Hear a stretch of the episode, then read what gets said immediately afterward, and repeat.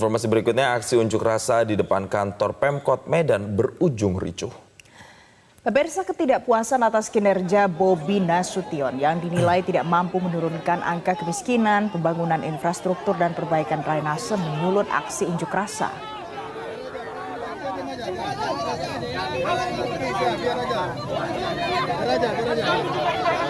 Soal infrastruktur, mahasiswa menuntut Bobi melihat kondisi sejumlah jalan yang masih rusak yang mempengaruhi roda ekonomi warga. Puluhan gerakan mahasiswa nasional Indonesia cabang Medan sempat memaksa masuk ke kantor wali kota Medan untuk menemui menantu Presiden Joko Widodo itu. Dan aksi saling dorong antara Satpol PP, polisi dengan mahasiswa pun terjadi hingga situasi pun memanas.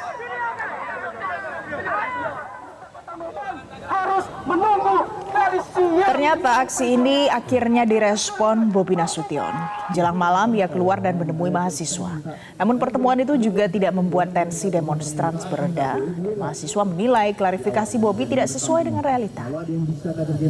Oke.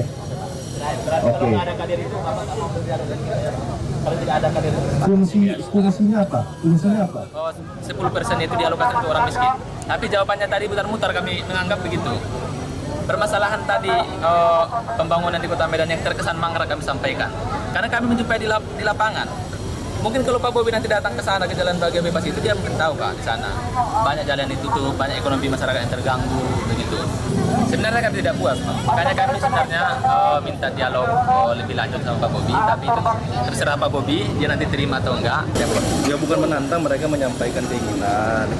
Tadi saya tangkap tentang perwal, sudah disampaikan akan kita bahas perwalnya karena sudah ada perdanya ya. Akan kita bahas kalau memang ini baik tentu kami akan support kami akan setuju.